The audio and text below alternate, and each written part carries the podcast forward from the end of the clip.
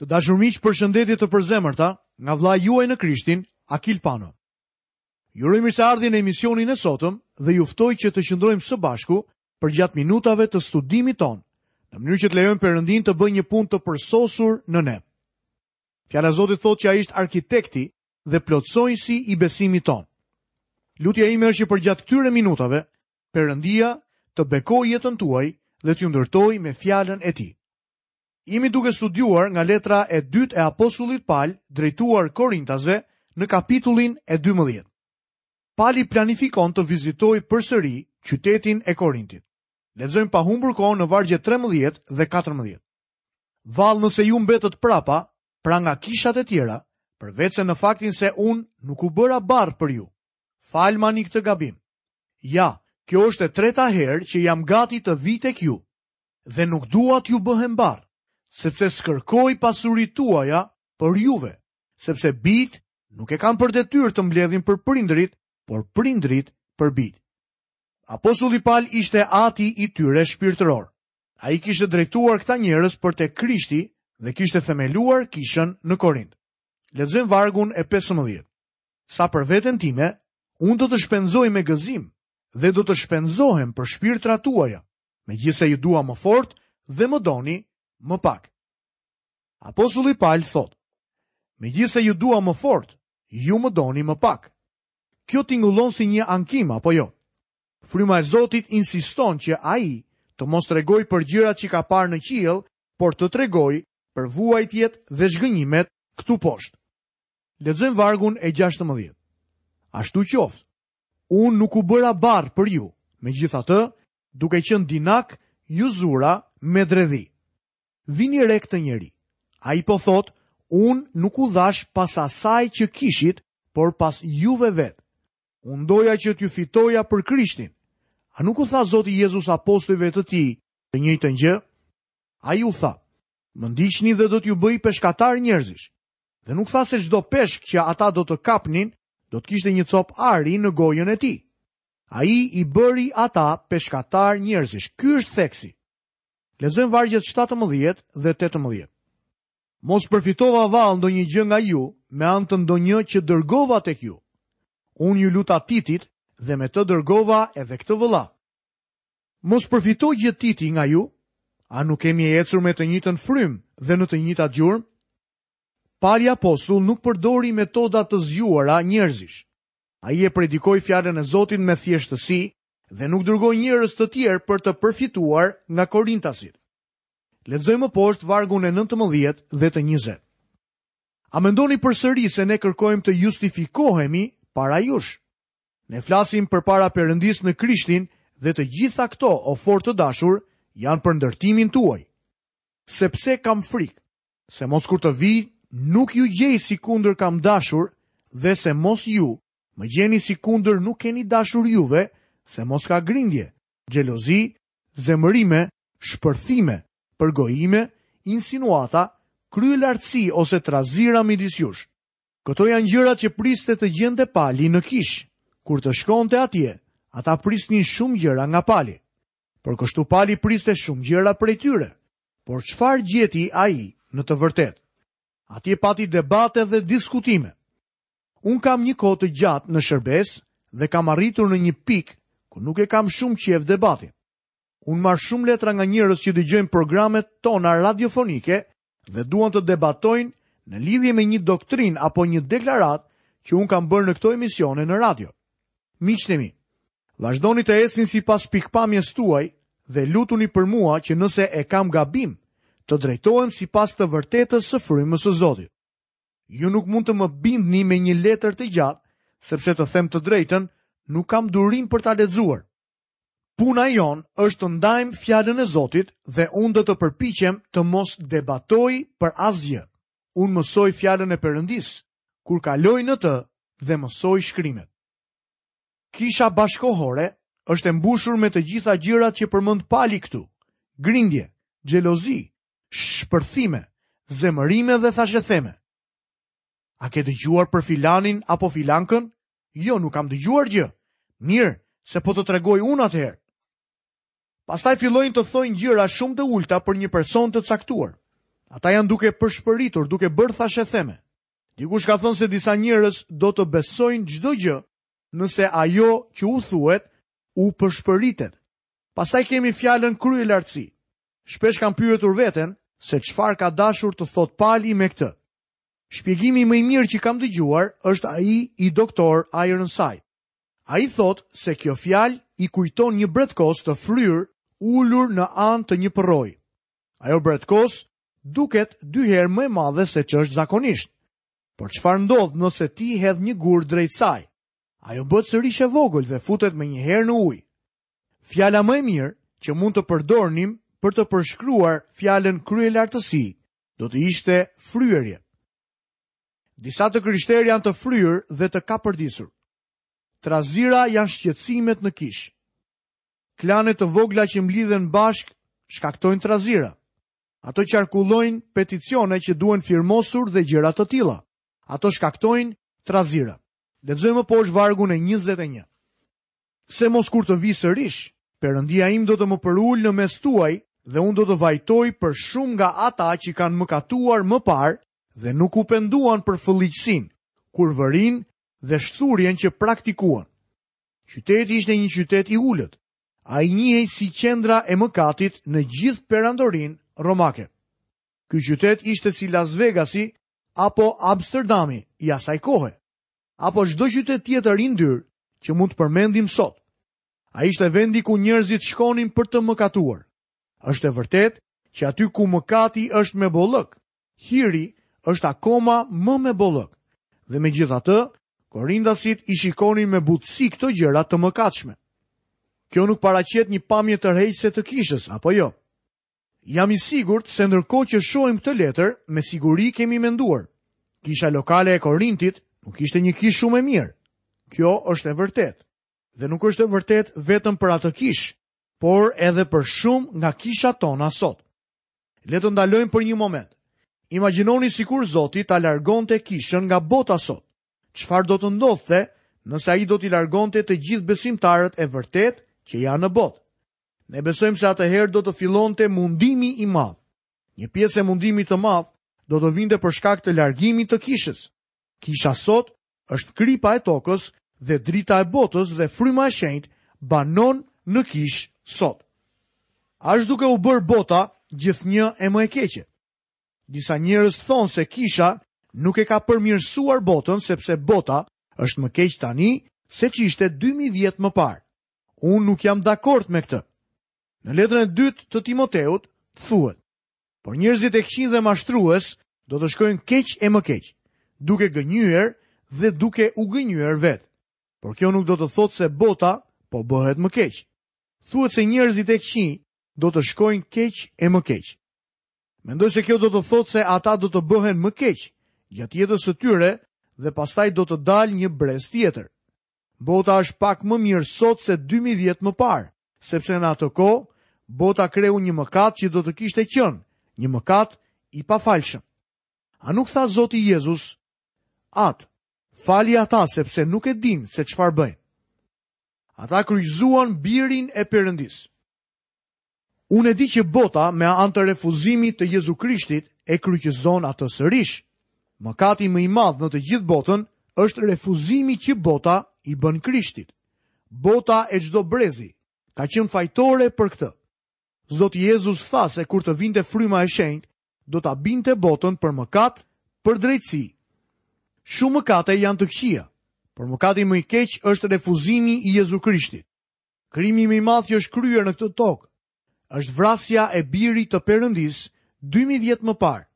Bota sot është ende e korruptuar, e ndyrë, e poshtër dhe e ligë siç ishte edhe atëherë. Mendoj se bota sot është një vend më i mirë për të patur shtëpinë sesa përpara 2000 vjetësh. Ne mund të jetojmë më mirë. Sot ka shumë gjëra që e bëjnë jetën më të lehtë dhe më të mirë se 2000 vjet më parë. Gjithsesi, ne duhet të kuptojmë shumë qartë se qëllimi i kishës nuk ka qenë ndonjëherë të mbjellë lule në botë, ashtu siç nuk është puna e Izraelit të mbjellë lule në shkretëtirë. Ata kanë qenë shtegtarë dhe kanë pasur një mesazh dhe një dëshmi. Ky është edhe qëllimi i kishës përgjatë shekujve.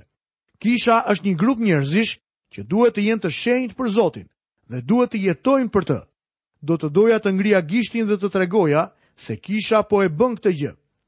Dështimi i saj në këtë fushë është një nga arsyet se përse interesi aktual në fjalën e Zotit ka rënë.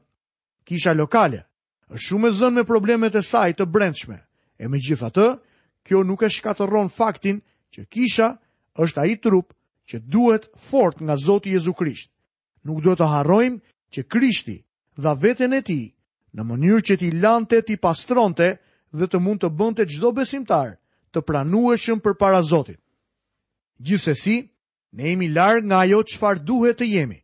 Ne duhet të lëvizim në atë drejtim. Këtu në letrën e Palit, drejtuar Korintasve, kemi një pamje të kishës që ishte në qytetin më të keq të perandorisë romake. Nuk do të më pëlqente të thuhej që kisha sot nuk ka aspak ndikim përreth. Mund të duket sikur ajo ka shumë pak ndikim, Por nëse ai grup njerëzish të perëndishëm do të largoheshin nga kjo botë, atëherë kjo botë do të ishte akoma më keq. Ndërsa mbyllim kapitullin e 12, në kapitullin e 13 do të shohim zbatimin dhe përfundimin e apostullimit të Palit. Lexojmë pa humbur kohë nga vargu i parë. Ja, kjo është e treta herë që po vij tek ju. Çdo gjë do të qëndrojë me gojën e dy a tre dëshmitarëve. Pali po përsërit atë çfarë kishte thënë edhe më parë. Ai po shkon në Korint për të tretën herë për të ushtruar detyrën e tij si apostull. Çdo gjë do të vërtetohet kur ai të mbërrijë atje. Çdo gjë do të dalë në shesh. Pali do të ushtrojë detyrën e tij si apostull dhe do të tregojë përvojën e apostullimit të tij me anë të fuqisë së Krishtit që punon përmes dobësisë së Palit. Lexojmë vargun e dytë e të tretë. E thashë edhe më parë, kur isha i pranishëm tek ju për të dytën herë dhe po e them tani që jam larg jush. Po u shkruaj atyre që kanë mëkatuar më përpara dhe të gjithë të tjerëve, se po të vij përsëri, nuk do të kursej njeri, sepse ju kërkoni provën e Krishtit që flet në mua dhe ai s'është i dobët ndaj jush, por është i fuqishëm në ju. Pali kishte ardhur tek ata në dobësi, por fjala e Zotit ishte e fuqishme dhe i kishte transformuar ata në atë qytet mëkatar. Lexojmë poshtë vargun e 4. Sepse megjithëse ai u kryqëzua në dobësinë e tij, ai po rron nëpërmjet fuqisë së Perëndisë, sepse edhe ne jemi të dobët në të, por do të rrojmë me të nëpërmjet fuqisë së Perëndisë ndaj nesh. Pali thotë, sepse megjithëse ai u kryqëzua në dobësinë e tij, tingëllon pak e çuditshme të dëgjosh për dobësinë e Zotit. Çfarë është kjo dobësi? Ai shkoi në kryq. Kjo ishte dobësia e Zotit. Ai po rron nëpërmjet fuqisë së Perëndisë. Pali kalon tek diçka që është shumë e rëndësishme. Çdo i krishterë duhet të bëjë një analizë të rregullt. Lexojmë vargun e pestë. Analizoni veten tuaj, a jeni në besim? Provoni veten tuaj. A thua nuk e njihni vetveten se Jezu Krishti është në ju, veç në qofshi të përjashtuar. Kjo nuk ka të bëjë me vullnetin e lirë, zgjedhjen apo sigurinë e besimtarit. Pali thotë se ne duhet ta analizojmë veten tonë për të parë nëse jemi në besim apo jo. Ne duhet të jemi të gatshëm të përballemi me këtë çështje. Mendoj se këtë duhet ta bëjmë dy ose tre herë në vit. Kur vajza ime ishte e vogël, ajo pranoi Krishtin si Zotin dhe Shpëtimtarin e saj. Një ditë ajo erdhi dhe tha që donte të pranonte Jezusin si Shpëtimtarin e saj. Gruaja ime e mori atë në dhomën e gjumit. Ajo ra në gjunjë dhe pranoi Krishtin. Rregullisht pas kësaj kohe, unë e pyesja atë për marrëdhënien e saj me Krishtin. Lexojmë poshtë në vargun e 6. Por unë shpresoj se ju do ta njihni se ne nuk jemi të përjashtuar. Pali kishte bërë një analizë të vetes së tij dhe ai donte që ata ta dinin që ai ishte në besim. Lexojmë vargun e 7.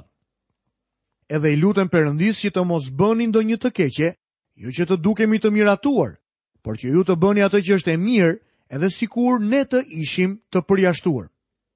Pali tha se ai donte që ata të ishin besimtarë të vërtetë. Lexojmë më poshtë në vargun e 8.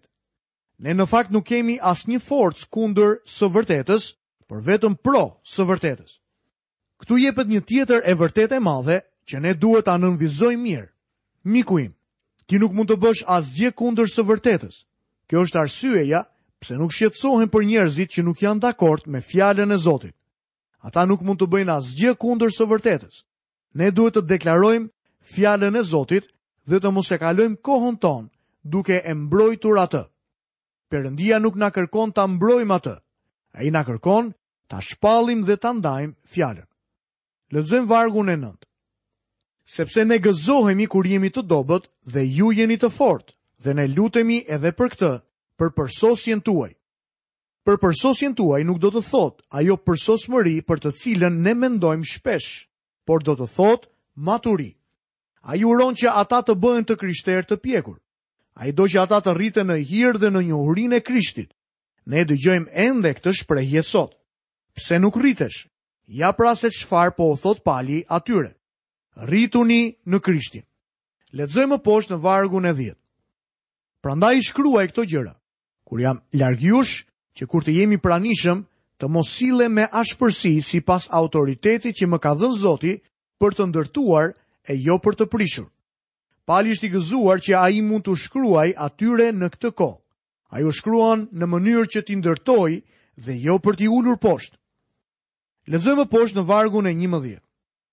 Më në fund o vëllezër, gëzohuni, përsosuni, ngushëllohuni, jini të një mendje, jetoni në paqe dhe Perëndia i dashurisë dhe i paqes do të jetë me ju. Ai thotë sërish, jini të përsosur, rrituni, mos jini më bebe të krishtera. Kjo është diçka që mund t'u thuhet shumë besimtarëve sot. Ngushëllohuni. Ai kthehet sërish tek fjala që ai përdori në fillim të kësaj letre, ngushëllimi i Zotit. Kini parasysh se kjo do të thotë ndihmë.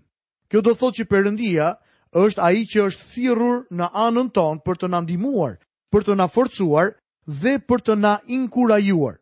Perëndia dëshiron ta bëjë këtë gjë sot për ty, miku im. Nuk ka rëndësi se kush je, ku je apo si je, Perëndia dëshiron të të ndihmojë. Ai mund të ndihmojë ty përmes Fjalës së Tij dhe shërbesës së Frymës së Shenjtë. Çfarë vargjesh të mrekullueshëm! Perëndia është për ne, është me ne për të na ngushëlluar. Ne duhet të rritemi dhe të piqemi. Ne nuk mund të bëjmë asgjë kundër së vërtetës, por ne mund të bëjmë shumë gjëra për të vërtetën. Ne duhet të ecim para me Zotin me një inkurajim të tillë. Jini të një mendje, do të thotë të kemi mendjen e Krishtit. Jetoni në paqe. Ne nuk mund të bëjmë paqe, por ne mund të jetojmë në paqe. Dhe Perëndia i dashurisë dhe i paqes do të jetë me ju. Kjo është paqja e Zotit që kalon çdo kuptim. Kjo është paqja që Zoti ka siguruar përmes gjakut në kryq. Ne duhet të jetojmë në atë paqe sot. Ne duhet të gëzohemi në shpëtimin tonë. Perëndia i dashurisë dhe i paqes do të jetë me ju. Mos e humbisni këtë. Ju nuk jeni vetëm. Perëndia është me ju sot. A nuk është e mrekullueshme kjo? Lexojmë më poshtë në vargun e 12. Përshëndetni njëri-tjetrin me një puthje të shenjtë, të gjithë shenjtorët ju përshëndesin. Shpresoj që të mos ju vijë keq nëse ju tregoj një histori për Walter Wilson. Një mik erdhi ta shihte atë dhe gruan e tij të mrekullueshme. Miku përshëndeti doktor Wilsonin me një puthje, sepse ai ishte një shenjtor i mrekullueshëm i Zotit. Pastaj ai puthi gruan e tij. Ai i tha doktor Wilsonit: "Kur të përshëndes ty është një puthje e shenjtë, por kur puth gruan tënde është e mrekullueshme." Miqtë e mi, Siguroni që kur të puthni, ajo të jetë një puthje e shenjtë. Do t'ju sugjeroja që të kufizonim puthjet tona brenda të njëjtit seks, nëse duam që ato të jenë puthje të shenjta. Lexojmë vargun 13 dhe 14. Hiri i Zotit Jezu Krisht, dashuria e Perëndisë dhe bashkësia e frymës së shenjtë qofshin me ju të gjithë. Amen. Pali apostull jo nga njerëzit, as me anë të njeriut, por nëpërmjet Jezu Krishtit dhe Perëndisë Atit që e ringjalli prej së vdekurish. Kur apostulli Pal thotë se bekimi i Trinitetit duhet të jetë me ju të gjithë, ai na përfshin edhe ne në kishën e Korintit. Ne duhet të gëzohemi në gjithçka që kemi në Krishtin Jezus. Hirin e Zotit Jezu Krisht, dashurinë e Zotit dhe bashkësinë me frymën e shenjtë. Ne duhet të jemi dëshmitarë jo vetëm në botë, por gjithashtu edhe në kishat tona. Të dashur miq, këtu kemi mbërritur dhe në fundin e studimit për sot. Ju falenderoj që keni qëndruar së bashku me mua përgjatë minutave të emisionit të sotëm. Nga vëllai juaj në Krishtin Akil Pano, paçi të gjitha bekimet e Perëndisë dhe paqen e tij në jetën tuaj. Bashkë mirudëgjofshim në emisionin e ardhshëm.